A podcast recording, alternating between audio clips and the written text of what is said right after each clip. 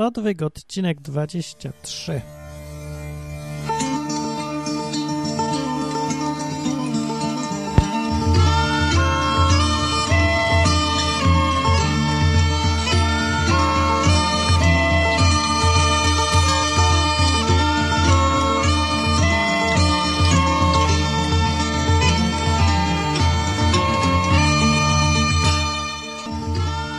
Odwyk, e, następny odcinek, 2 maja e, 2007, dzień pomiędzy jednym świętem a drugim, a trz- trzecim i po piątym i w ogóle ogólnie są święta i dlatego ludzie nie mają co robić i nagrywają podcasty. Na przykład ja.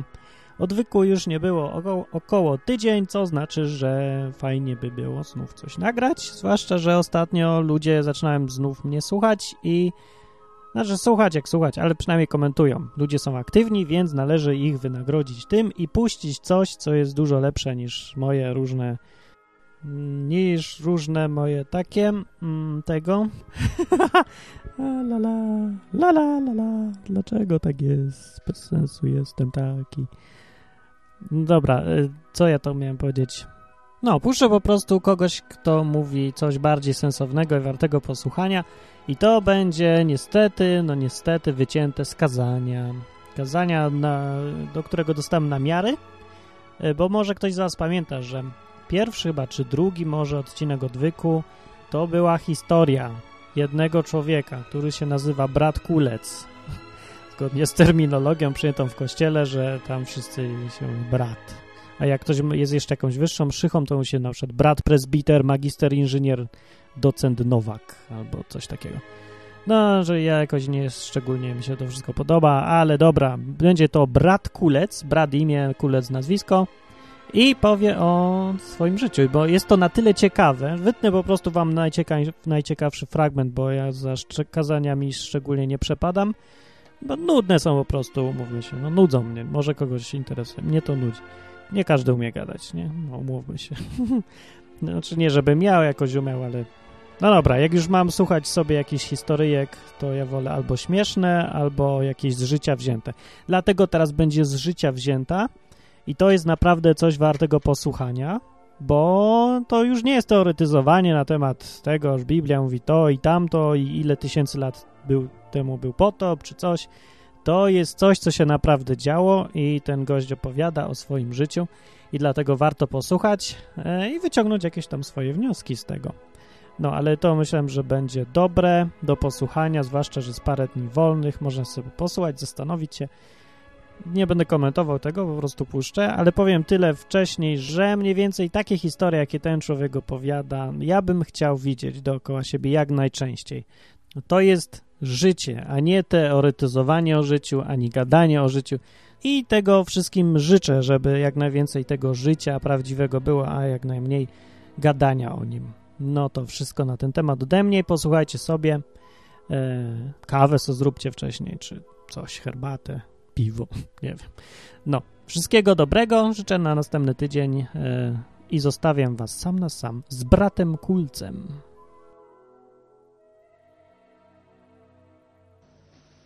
Powiem wam tak, kiedy nawróciła się pierwsza osoba w moim domu, to był mój dziadek rodzony,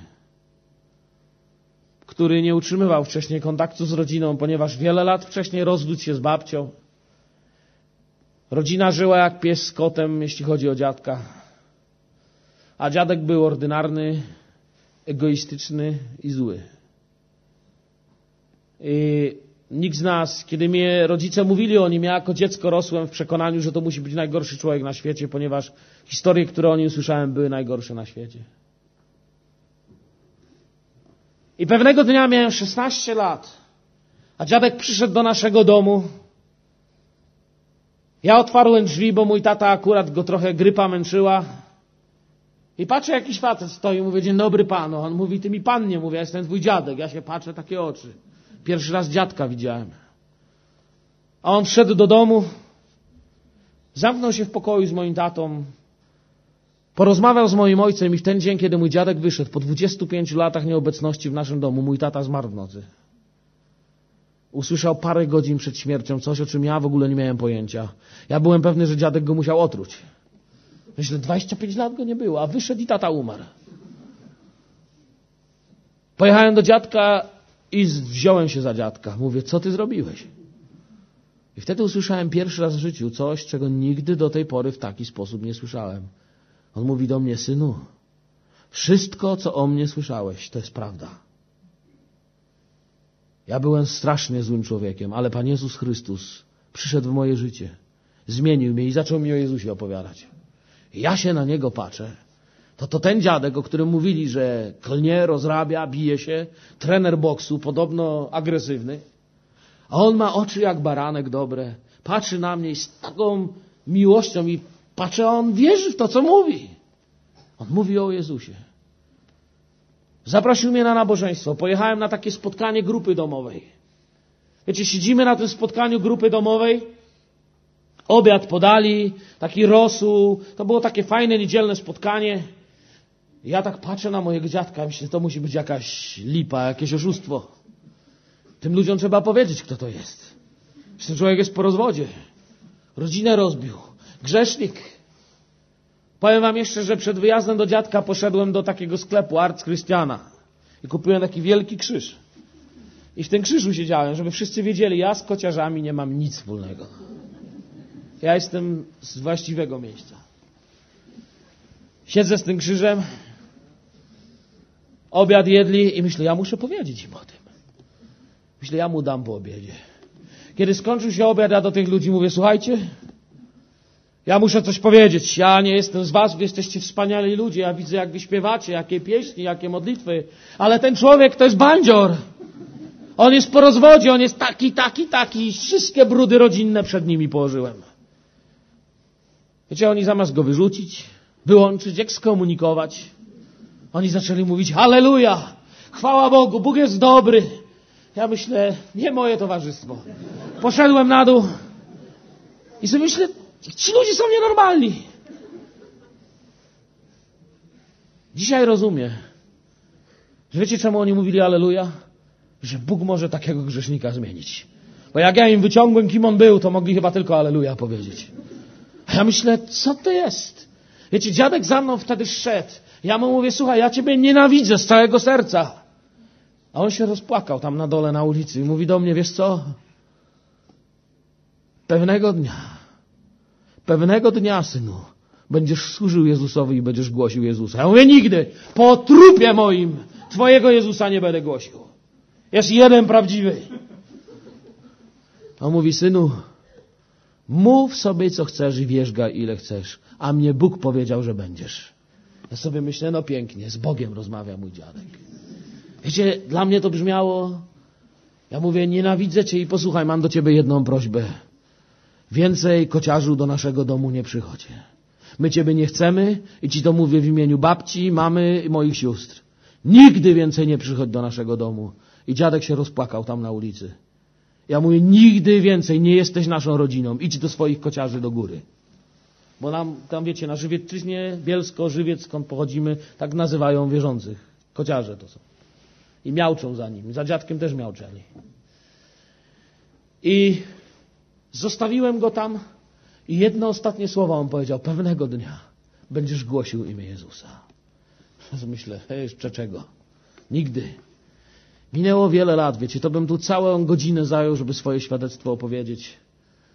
Minęło dokładnie pięć lat od tamtej pory, kiedy ja się nawróciłem. Po pięciu latach. Dziadek rzeczywiście, tak jak żeśmy powiedzieli, zerwaliśmy z nim kontakt i nie było z nim kontaktu. Nawróciłem się, ożeniłem się, chodziłem na nabożeństwa, mijał rok po moim nawróceniu, a ja nie pamiętałem tamtej sytuacji. Ja nie wiem, czy to Pan sprawił, czy co. Ale pamiętam w piątek rano poszedłem się modlić i na modlitwie nagle mnie wieczór śniło. Przecież ja mam wierzącego dziadka.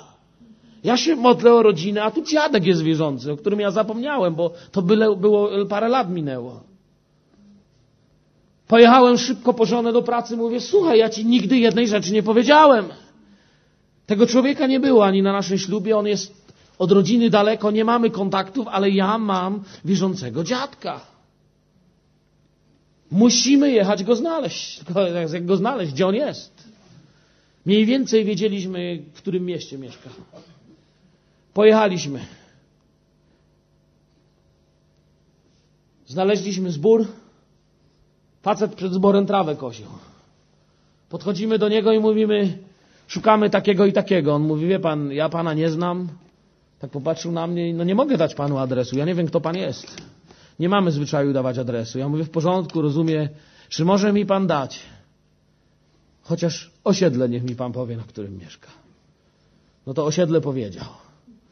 Pojechaliśmy na to osiedle, stoimy, wiecie, na tym osiedlu, same bloki. Teraz szukaj, gdzie dziadek mieszka. Idzie taka babula z torbami. Ja mówię do mojej żony, spytam tej kobiety. On tak, wiecie, no, tyle ludzi. Podchodzę do niej, mówię, wie pani co, nie wie pani, gdzie mieszka tu Albin Kulec? Ona tak patrzy, no mówi, tutaj to okno, mówi.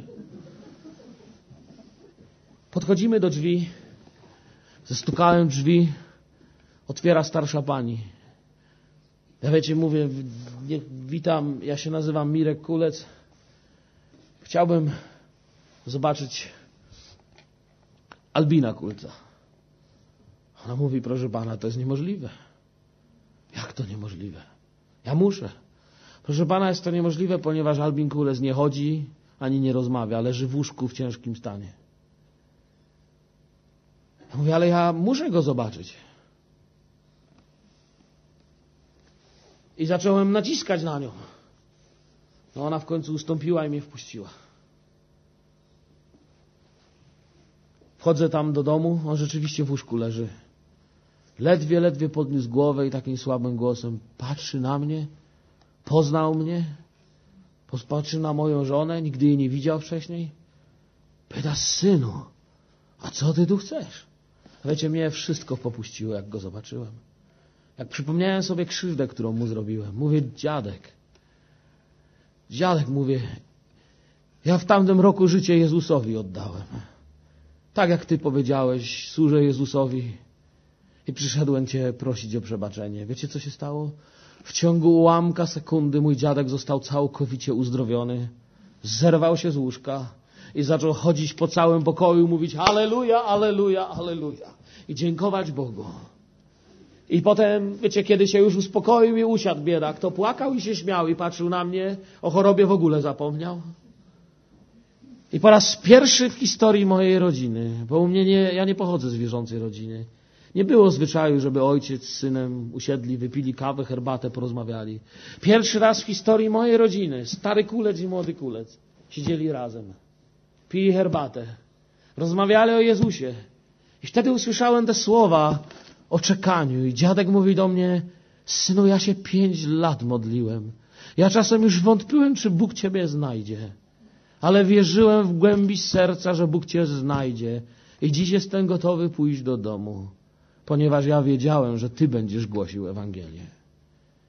Parę miesięcy później poszedł do domu, do swojego Pana w niebie. Pana, który mu wybaczył trudne i niezbyt dobre życie, jak temu Łotrowi na krzyżu.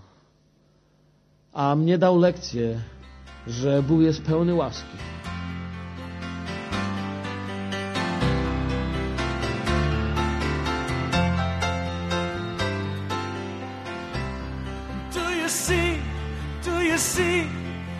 people sinking down. Don't you care? Don't you care? Are you gonna let them drown? How can you be so numb not to care if they come? You close your eyes and pretend the job's done.